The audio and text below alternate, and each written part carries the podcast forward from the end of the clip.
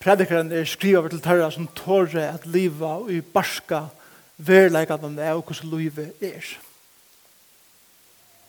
Han skriver til tørra som tåre at hitja hu ærlige er at livet dem og tåre at takla livet og omstøvner som det er og som tåre at spyrja ølja skarpar spurningar til livet. Han er skriver til tæra som suttja og kjenna livsens dist. Til tæra som kjenna tingjande avbyrder av familie og arbeid og omstøvun i livet.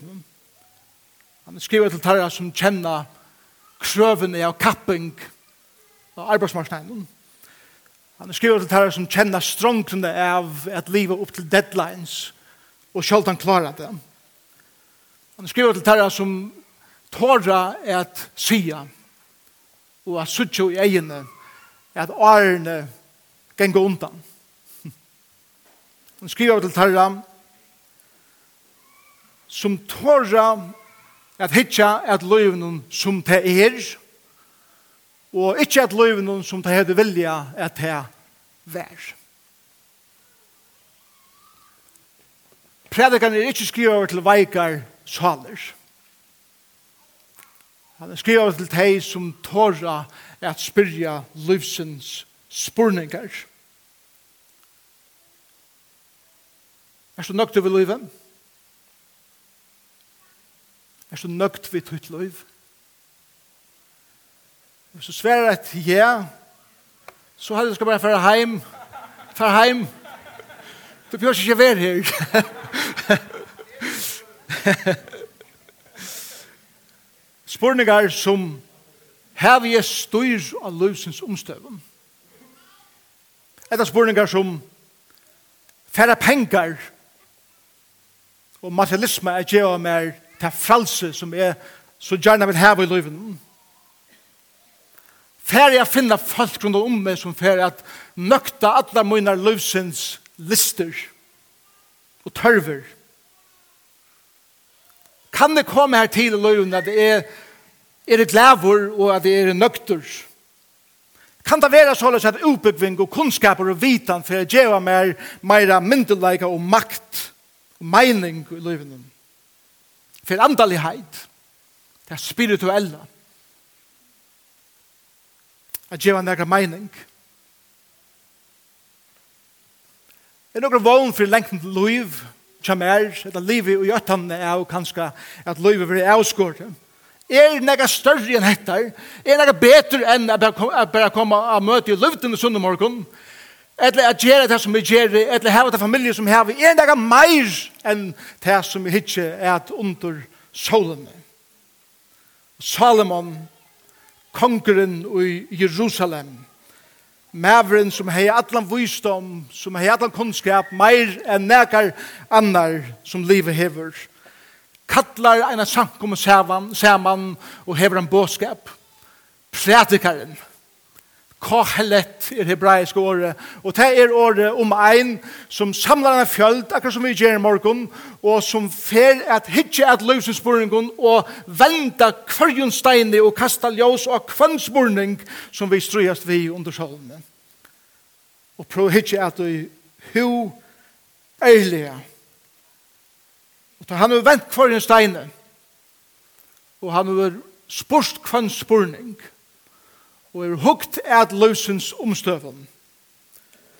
Så sier predikaren, fafangt, fafangt.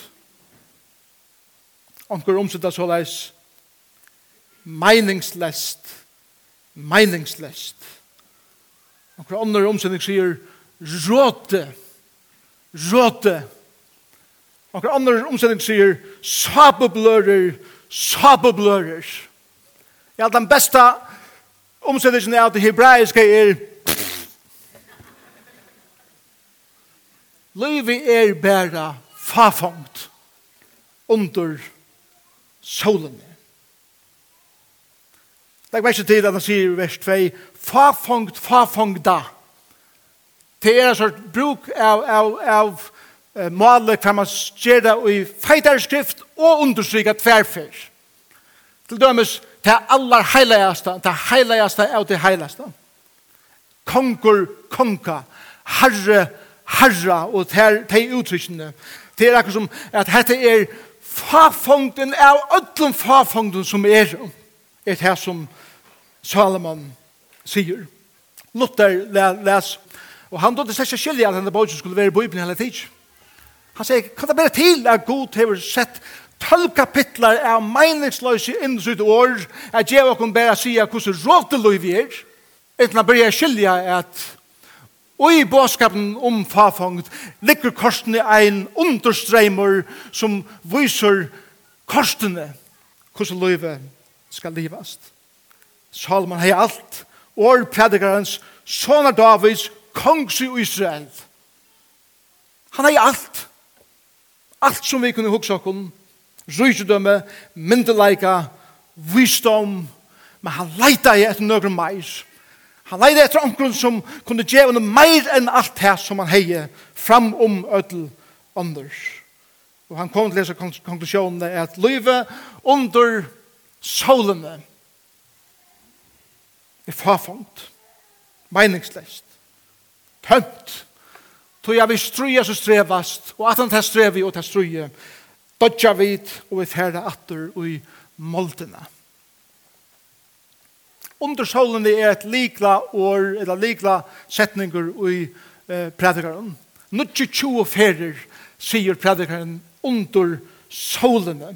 Ta meinas vi at til løyve som menneskjan lever her av hjørne under solene, utan god. Hvordan løyve er hvis du ikke har god vi og i gjerne denen tja tærs. Så det er skeptikere som, som ser spurningar vi trygg og kristendom bruker hesabøkene imot jokken og sier tikkar bok sier det selv liv er meningslest liv er sabablører som bresta. Er det det som tid renner etter i livet noen Sjunda Luja Luther iveist. Man kan si at livet under solene er en mynd av livet om utanfor eten. Da er menneskene var kordur ur sagaren, og nå var kord ut, og i et steg som tørnar og tyslar eh, veksa, og de måtte sveita fyrir at velta hjørna, og fyrir at iveleva heila tidsen, fafongt, og strujast og strevast, og så dødja vi, og vi var atter til målt, et endalest strøy, endalest strev, tar, svette og blå og meningsløse.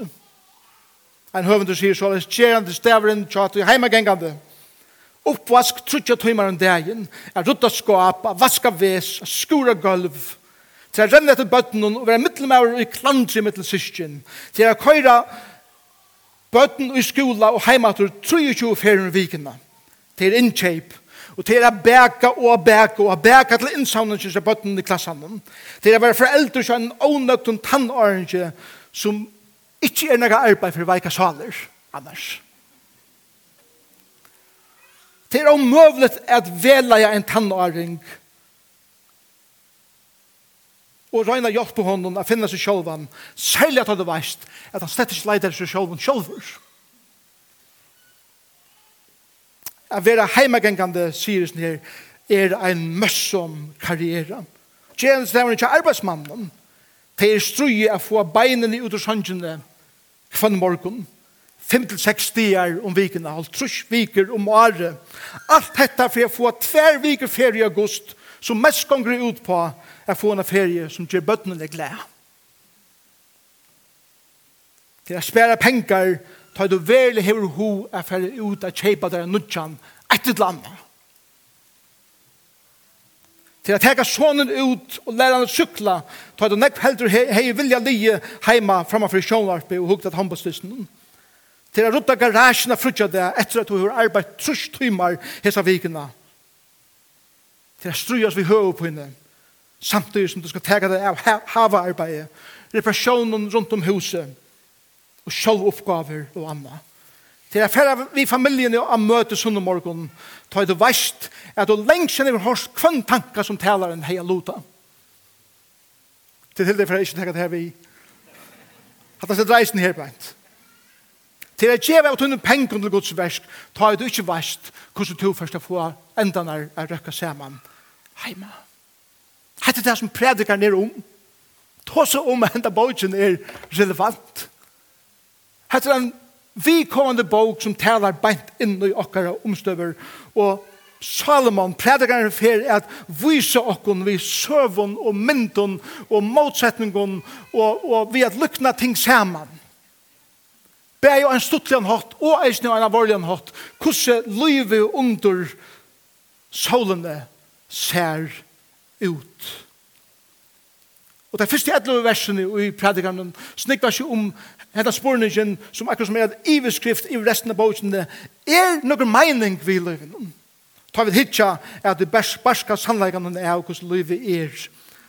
For at du finner sannleggene er som Østbøyden i alle stener. Hikke at showarpe, hikke at soap operas, hikke at politisk røvun, hikke at hvordan folk liva, hikke at de er ekstreme, hikke at de er dåne, hikke at akademie, hikke at hvordan folk tar seg ut av gøtene. Det er evnene som er i hese bøydene som er omtala i alle stener rundt om bakom. Og tog er det Salman sier, la dere teka hese sannleggene, så spurningene som det her i løyvene. Seta der under ljøse, seta der under mikroskopet og hitja vel og vilje etter okkar ekna løyve. Ta vi det ho ærlig om hvordan vi heva det og ta vi også om hvordan løyve er under undersående åttan god. Man sier i vers 2 fafangt, fafangta sier predikaren fafangt, fafangta alt er fafangt Kvann vinning hever menneske av ötlens strevesønnen som man pøser seg vi under solene. Og Sverige er omkan. Omkan vinning. Og så vi vi får tjøkken joggen gang versen, version får my gjøre et evil i det men la meg bare lukke hitje et vers 4 Eit atali fer og anna kjemur gjør en stendur i at det hever akkurat alle er, nasta kjemur, ta fer, nasta kjemur, nasta fer, ein bur føtter, ein døyr, loive gongebær ui, så rottner og tina, atter og atter, og alt er akkurat det samme, og er røyne og strøyes og vi ved at halda mer oppe, bæra vi tøy fri eie at vita at mitt lik han være mer og mer proteinir inntil er dødje. Anker sier så at dette skriva til menn og kvinner som er kommet til miskais og løyven om midlife crisis. Sier så leis mævren i halvtrusjonen som nu er bryr å få av silvergro og harre. Vi er nå nødt til å kjøpe sånne herlig. Vel og uletten leverkleier, men helst åpe helt nye nalvan ved en gullkrosse, hengande nye til bryngene. Konen i 18-4, som er vel badla inn og i leverkleiene for å halda rukken sammen og anledde utstrekt av Botox som man køyrer i. Et lærte maveren som er ferdig genga i fitness. Tøy boken hang ned knøyene og brinka ned nalvan. Men kanskje mest tøy at lakten har sagt at hvis du kjørst nega, så løyver hjertet her ikke at liva, lunge, et sett. Og her stender han og pumpa i hatten sammen vi en tvei kjører gamlen som lette trutje først nek som han. Konan er vi eisene. Hon er sam som en trobeleikar. Alt det her som det eier vera er helt flott seg. Og her stendur vi syne av en fittare, 20 år gamlare som hever alt på plass og her som det skal vera. Og gida hver mer han hikker etter. La maveren som er kommet her til løyven at han finnes seg en elskar inte som er nekv yngre enn han og er færn vi henne inn i en tann og æringa handel og kommer ut etter ui klæven som ikke engang bøttene kjønner etter tårda ferdig ui.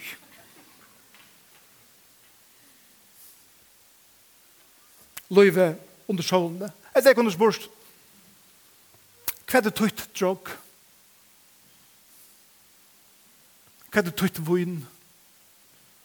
Hva er det tøyt kjusser?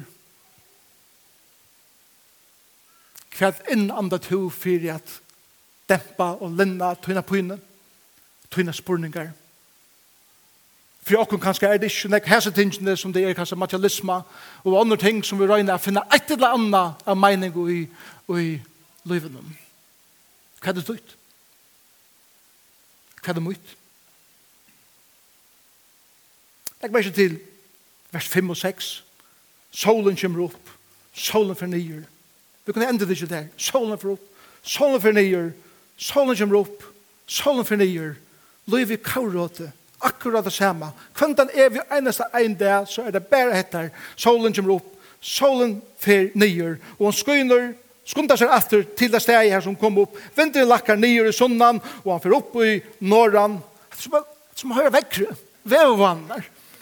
Veins vi har vidt lustet råd over kvann er vi eneste ein dag vi har vevvannar og jeg, jeg tog det nye her beint frisk og vindre på stru kalander inn i estre 8-13 meter sekunde. Minkar nye låt, frisk låt 3-8 meter sekunde. Setne gul skudja og stunder reken hiten alt samdøkre 12-15 sti herre god og så har det unga til ratt helter.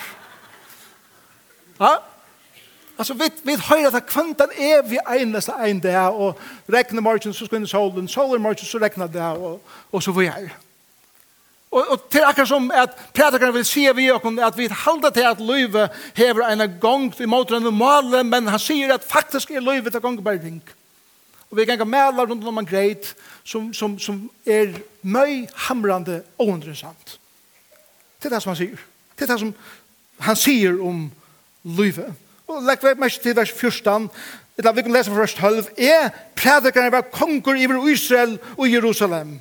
Jeg, vant, jeg, jeg vendi hjersta munnen at rannsaka og vi viste om jeg granska ut alt det som under solene eller under himmelen hender. Det er trøttande strev og i god hever give menneskebøtten at pøsa seg vi. Jeg så at alt det og i under solene hender.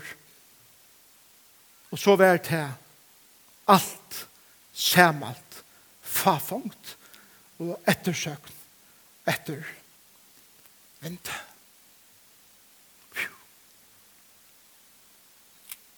Er det klar til et eller två år av snö? Men ikke livet enn. Men hos det kun ettersökna etter vinter, fafongt, under solene. Och vi vet det, vi, vi, vi føler det när vi kjenner det unge maveren som fyrir som fyrsta arbeidsdag til arbeids og døyr vi er en vannlokk. Vi kjenner mye av alle mammena som hever just Vi er just kommet der til løyven om hver hun har oppalt sinne bøten, og hun fer brøstkrabba, og hun døyr. Bøtene sitter etter. Maveren vi en flottare uppbygging, veldiga karriere, vi fullt av vitan om alt møvel til livet og fer en biltur og vi er rentur og en meningsleisere bilvannke og livet endar her. Og öll vitanen og öll erfaringen er bare erfaringen til spittles. Vi kjenner mammer, ommer, lenkommer som du sitter av Edelsheimen som er så blivna så mykje dementar at jeg ikke engang kjenner sin egen bøten. Hatt er eisen livet dit.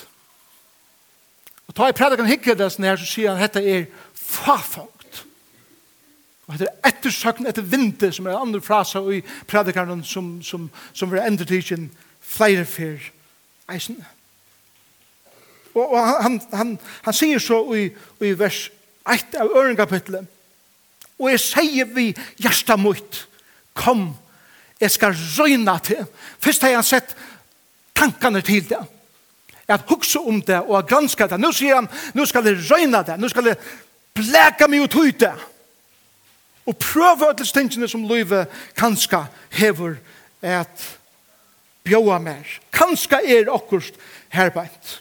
Og Salomon og i resten av Hasangen og alle veien i kapittel 2 og kapittel 3 og kapittel 4 og 5 og 6 og 6 og 8 og 9 og 10 og 11 alle veien tåser Salomon om til at han var prøva rydgjødømme til at prøva at han var makt til at prøva stuttleika underhaldlivet til at prøva vun og at drekka til at prøva sex og kvinner prøva at bytja og, og at tekna og at hava underhald og tónleik og sangarar og alt desse tingene som løyve kanska kan fylla med er synder vi.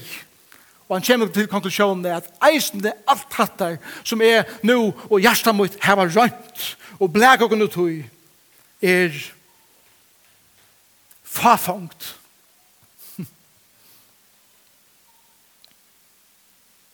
Men det som sjokkerar predikaren kanskje allermest til det at han får egen og fire, er at ui løyven og undersjålene utan god, kommer ære godare steg. Og utan å vite av er tog, så er det blivna av goda dyrskar. Og vi leser om Salomon i fyra fyrir kongabog kapitel 11 og ut etter at Salmon, Salmon vende sunne hjarta fra gode og han vender seg til at tilbe av godars.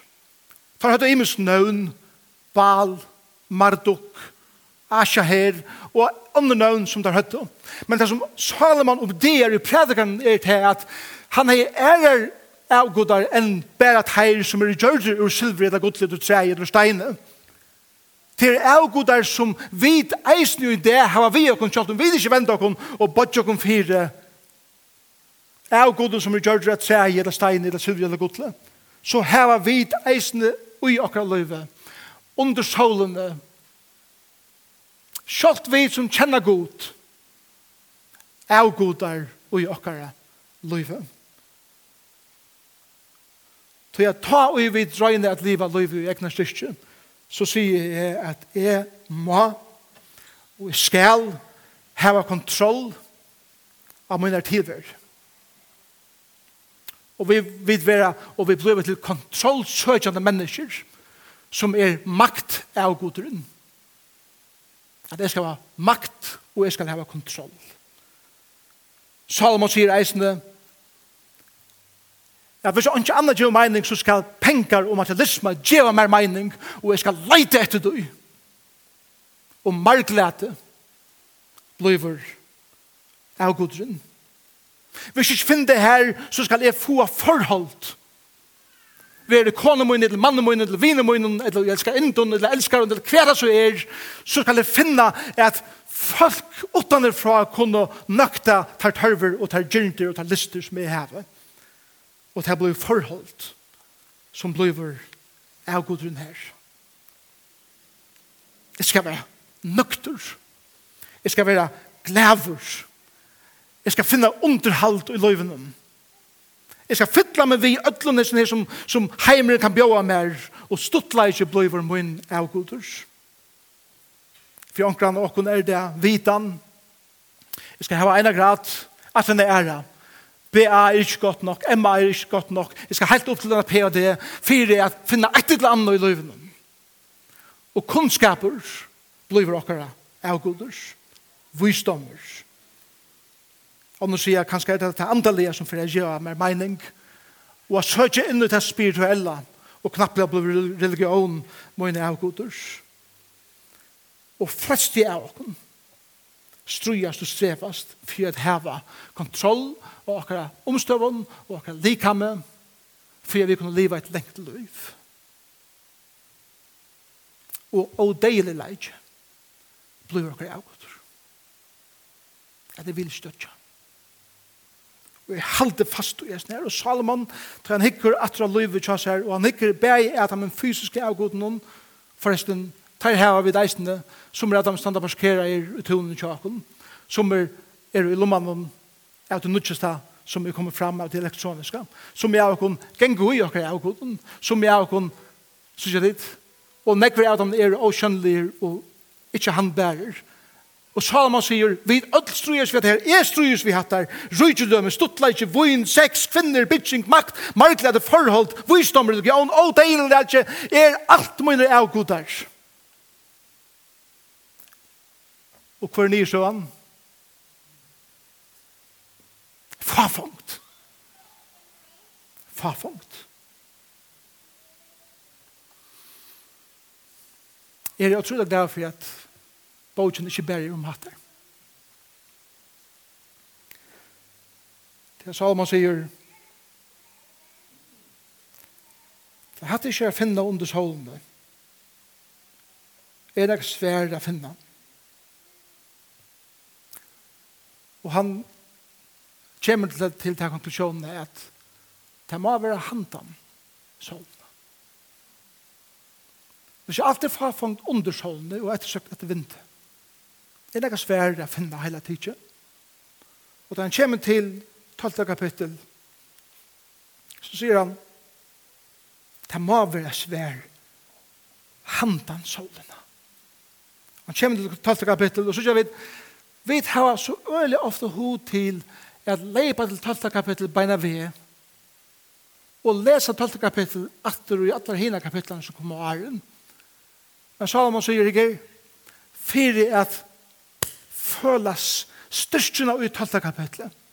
Her som alt leier til, må vi løyve okkom at boja vi gode i okkar omstøvun og føla meningsløysi av öllum tøy som vi søkja understøvun. Så ble ikke bare at han er vidt på, vi er teka god inn i alt. Og føla tøy omgang tøy kjenslene av hvordan løy vi er utan. God. og i akkurat samkommun og akkurat kyrkjen i fyrjon er vi så utroliga ljósare i beina ved ta i folk koma vi løsens spurningon og, og ja, vi skal be her der herren han er mentor og ötles tingene her beint at vi er så sjåd vi sværen og er vi løyva ikke folk til at huksa og at føla meningsløs og prædikaren sier hvis folk skulle komme til god så er det vel kvart nei at man føler hva som meningsløs det er at man føler pynene, at man føler hvordan spurningene som vi har, som vi ikke får svær på, stinker lengt i nøyøkken. For jeg får helt. For jeg leita. Og ein og hver som, som hever oppleva livet, veit hvordan jeg stuttler det er at vinna seg fram til neka og oppbygge det sjolver enn å bare få alt servera og ångan det gjerne jeg fire er få ting. Og vi som samkommer må anse etter, ikke bare komme vi pen og penom pakkasvøren til folk, men at løyva folk som kommer inn i okkar samkommer, løyva okkar unge er spyrja til herre spurningene der. Og så lusta. Og så leia. så sier Salomon, huksa om skaparen tøyn, av ungdomsdøven, og er den hinner ønda dier koma. Vi vet vel at kanningar vise til, gjør ikke til. At de aller fleste som kommer til Jesus, kommer til Jesus som ungen alt. Det som årene genga herast vidt, som årene genga blod vi kynisk, som årene genga blod mer og mer sært, og vi er mer og mer skeptisk, og vi tar verre og verre vidt til at bøtja okken nye fire herran og i eimjukleika. Tøy er at henne øndo dier koma og Og vi tidsja atter av løyve, ta det blod gommel, og sier, hei er bæra. Hei er bæra. Det legger meg ikke til hva han sier.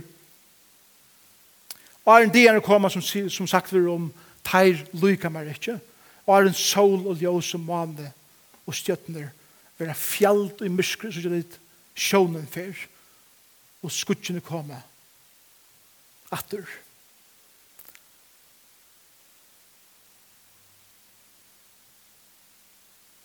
vers 5, ta en stor for kvarjere brekk, og ikke genga trappene langer, og ikke genga modbrekkene langer til at knøyene er ferdig. Fer. Og er en silver traveren slittnar, og godskalen brottnar, og er en krukkan såra sunder, og så var. Vers 6, er en duste for atre moldene og verer, som tar vær over og anden for at det er god som gav ham. Vi er alle eldast. Vi er alle vikna.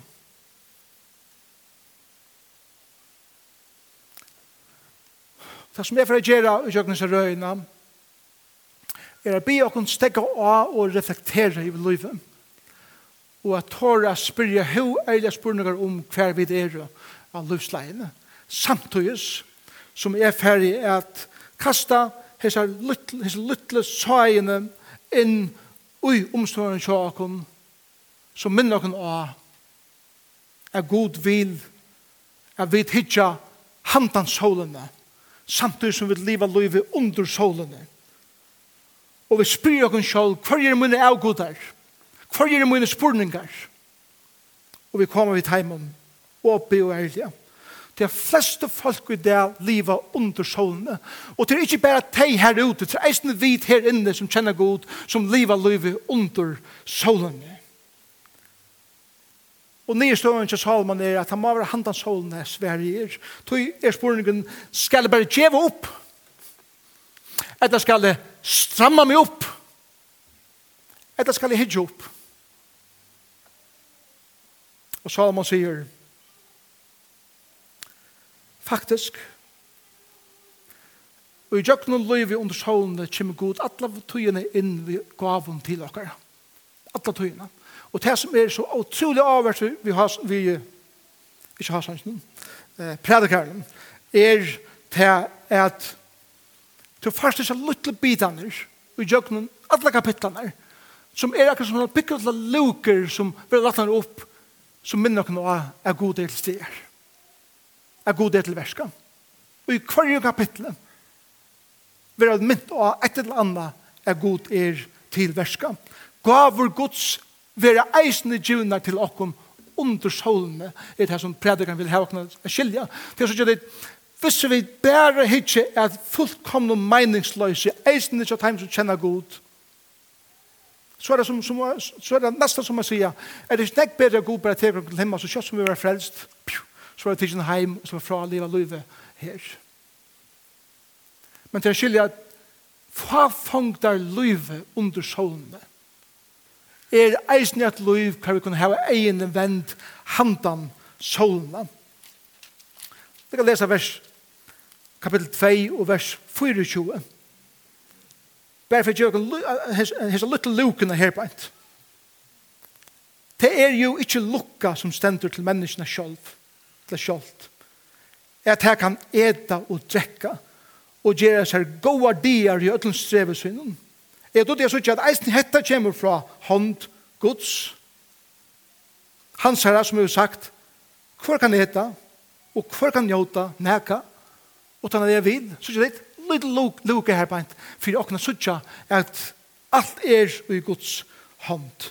Eisen i kapittel 9, vers 6, sier så eis, Færtøy og et brei tøyt vi glede og drekk vun tøyt vi glavun hjarta til god hever lengt syane godkjent til vi tog gjerst. At en annen lyd luka hver han minner okna at ui fafangda luven er korsene eller er korsene gods skavur til okkara og alla veien i jøkkenen alla veien er hetta en annen ligla frasa et og drekk og vi glede. Fram med testamentet, Jesus sier, et, drekk og vi glede. Vi har en helt øren sjånarbeid. Og det, det er den epikuriske filosofien til krikkeren, som Jesus sier, hadde meningsløst. Men til Salman var det annerledes, til han har jo prøvet alt.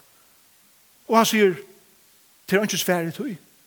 Men vi gode og i hesten her liven som vi liva av hjørne er til og hever til mening sjalt om det er fafangt sjalt om livet er fafangt av hitje at du er ærlige så er det korsene verst at liva. Vi får ånga det få handatøkene av livet. Vi får ånga det få makt i våre omstøvene. Men vi kunne suttje til at god djever og gaver fra hånden som er handan solna innskjer han at djeva okkom gaver. Og tog er det at Salomon kommer til hese konklusjonene, som jeg hadde han lærer tjokken, alle bøkene er hettar, god ræver. God ræver. Bøk til fyrene. Nummer 2. God er gaver. Njøt hans er gaver under solen. Om du hever et arbeid, Ikke ferdig arbeidsmorgen og sier alt er farfangt. Ferdig arbeidsmorgen og gjør det arbeid så vel som du kanst. Og ut så nekk som du kanst og vel som du kanst. Om du først har nødjan det i morgen, så er det eisen galdan det hans nøye og hans trofaste er nødj kvann i morgen. Så njød det er inn til fullnær er det som prædikar eisen sier, sjølt om det tidsi var farfangt og er farfangt, Njot det som god hever givet her. Njøt livet til fullnær. Njot alt det som jeg hever kanna sig sammen. Njot mat. Njot vun. Njot sex. Sammen kone ikke der og kone, sammen mann ikke der. Njøt av ferast. Njøt tunne utbyggving. Njøt tunne karriere. Njot alt det som livet annars bjóa der til fullnær. Ta at du hever egen vend handan solen eisen som du lever under sånne. Njød Guds gaver. Så han sier, God er rattviser. Øttast han og livlivet saman vi honom. Så jeg sørste verset i predikaren sier, til God skal dria til doms ett og først versk, ta og han dømer alt det vi lønt er, ver det nu godt etla illt. Vi gjør når hun to og jeg standa til ansvar for alt som vi gjør. Alt. Troanen er for omkring større og bedre for alt og jeg være her, kjøtt her og kjøtt mer. God har å lagt til ui til meg. Og henda bok i prekk 4 at om du først er at søknast etter ötlundus som løyve hever at gjeva her utan god så først du ångan du er nøkta tøyn langsom. Og vi får ångan du er få svær opp akkara spurningar. Jeg har nekva spurningar jeg spyrir god. Jeg er frustrerad av denne god mengan om fafangna som er ui sin heimen. Men jeg kommer til er god gjemmer seg ikke svær. Han gjemmer meg nek bedre. Han gjemmer meg seg sjølv. Og i stedet for at jeg var til svære på at hun har spørninger, så gjør god til til her seg sjølv. Og bjør der inn i forhold. Kona Einstein var en forspurt, om hon skilte til Rina, tja mannen tja seg om tyngdarkraftloven. Og hon sverar så jeg vil ikke annars for hva mer som man snakkar om. Men jeg skal si at jeg, at jeg kjenner Einstein som ønsken andre. Og så sier det vi god til. Men kan skilja vi ikke hvordan god er, hva god gjør, og hva han gjør det som han gjør, men vi kunne si Men det kjenner han. Kjenner han som ønsken andre. Jeg har et personlig forhold vi ham. Så jeg finner ikke egen i at under solen hver alt er farfungt, kan livet korsen livast, vi egen om omvendt handen solen. Og han som hever alle mine farfungt i sin hånd, og leier meg fram. Tog kunne vi ångande bliva som god. Vi kunne ångande være som god, men han blei som vit. Og blei ein okkara. Det var ikke fantastisk å huske at det første jålene, da Jesu badne var født, var det her første som kom til på ham, vismenn estane fra. Tar som leita etter visdom, tar som spurde spurningar om livet, tar som granska og tar som tørte at fære etter dem, tro på spurningar og venta og granska dem, og hitja nær at og tåra spyrja. Var det her første som bøgde seg nye for batten om. Vi sønnen gav om og offra om til det. Er det så utrolig at hun om hver vysen er i det?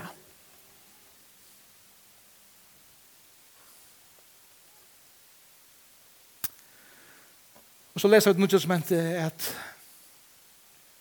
en er kommet som er større enn Salomon.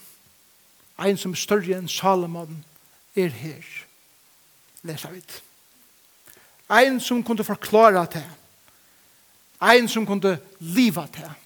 Og ein som kunde gjera det. Som Salomon unkande kunde. Og han er Jesus Kristus. Og det er alt kjem til alt. Så sier Jesus vi til det.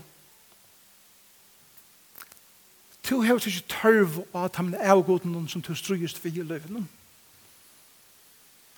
Du har ikke tørv av at være en person som leiter etter makt, etter marklete, etter stuttleika, etter kontroll, etter ådeilig leika i løyvinnen. Han har alt her i sin hånd. Og ta ut og hikker at løyvinnen under solene, og du kommer til konklusjonene som Salomon kom til, at det er alt farfangt. Ta og i øttes godt, og ta og tje mitt liv til ham, som gav sitt liv for meg, så kan jeg fære opp på morgen, og jeg kan fære til arbeids, og jeg kan liva livet til fullmer og kasta meg ut i det som, som livet hever, jeg bjøver meg i det. Det er barska livet, det er ærlige livet, Ikke til livet som har en fasade på, som om at alt er så godt, men som tårer å hitja, og korsene jeg sier, livet er strave, livet er råte mengan, men jeg vet er god, er god, vi med. Til det her som vi får gjøre, vi gjør neste år. Og vi får dykka inn i nesten kvart vers. Og venta og dreie seg sannleikene som for at komme inn av öll øtju i livet til ikkje ein okkara som for å slippe undan. At hitje at okkara ekan livet og rannsaka hvordan livet er mot liv. Og er ferdig å borra. Vi kvart ferdig å flenna i kujtje. Vi kvart ferdig å grata. Vi kvart ferdig det være sjokkera i om det som vi sier og til det for her ho at gjeva meg foten så lengt som du kunne ut ur løftene tog jeg er ferdig etter noen ting men det til for eisen jeg elsker meg vi først og sier amen til det som taler tog jeg at år Guds er så leis at det fer innan meg og det fer inn om de støyene som vi helst ikke vil gjøre, når skal slippe og spekla det jeg vågner at ta i videre kommer jøkken så røyene som pratikeren vi vera en sankoma som hever finnje en sånn nudja sjån av Jesus og en sånn nudja sjån av hvordan jeg avhenger vi der av honom og en nudja sjån hvordan stor han er i okra livet og en nudja sjån av at sjålt om livet og trovlega løsens er verlig i okra livet så vita vi at han er gåur og jeg vann det at jeg røyna for at jeg gleder okken eisen til at Jesus kommer atter og Og vi ein dag som suttja en andre til andre som kom til okkara først, og som ein dag for å ta okkara heim til søgna vera.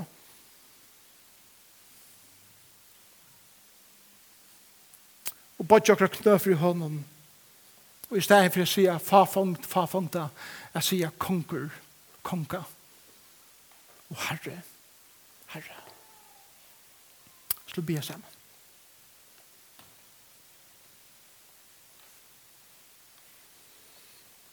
byr Jesus om at at du vil tega seg røyene og at du vil enda vende dere. Fyre gjør dere når vi er så iverflatisk Fyre gjør dere når vi alltid kommer vi tar alltid vilja å komme vi pent innpakka og sværen til lusens spurningar Hjelp okna tåre at leia kvann annan og gjøknum øyemørsna. Og gjøknum til grytuta lente. Og gjøknum stormanar. Iver aldenar. Jeg vil tåle heglingen som løyve blekar etter oss. Hjelp oss at tåle at hitje ærlig et med hver nøyren og vi hesen spurningen. Vitan det at understreimeren under øtlen hesen er at handan solna er ein som helder mer og ødlum og i sunn i hånd. Fyre gjør okken herre, fyre tar avgodar som er her i munnløyve. Kan jeg røyne hava kontroll? Kan jeg røyne jeg finna svær til spurningar som ikke kunne sværast? Kan jeg røyne leida meg etter underhalde som kan stilla minna gyrnt etter meir? Fyrir gjev okkur.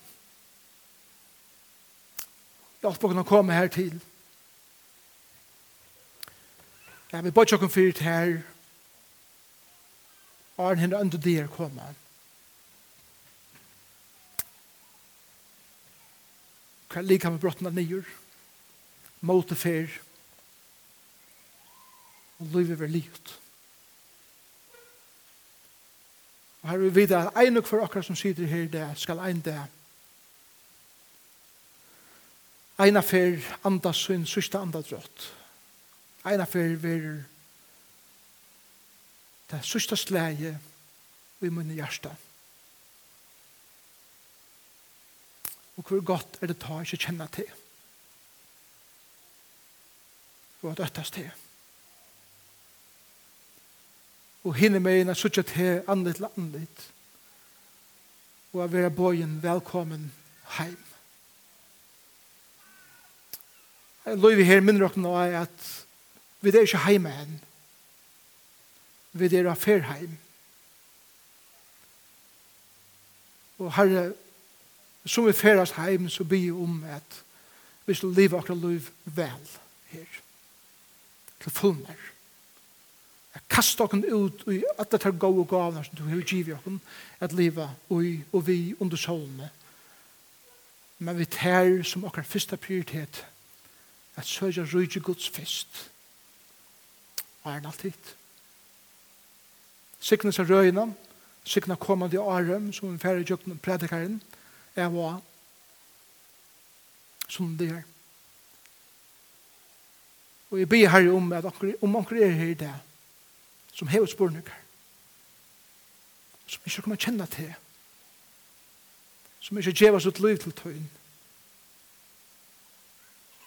at hei det her skulle få ein og fyre, hvordan jeg teier elsker jeg til her. Pryser er over ditt navn. Og Jesu navn. Amen.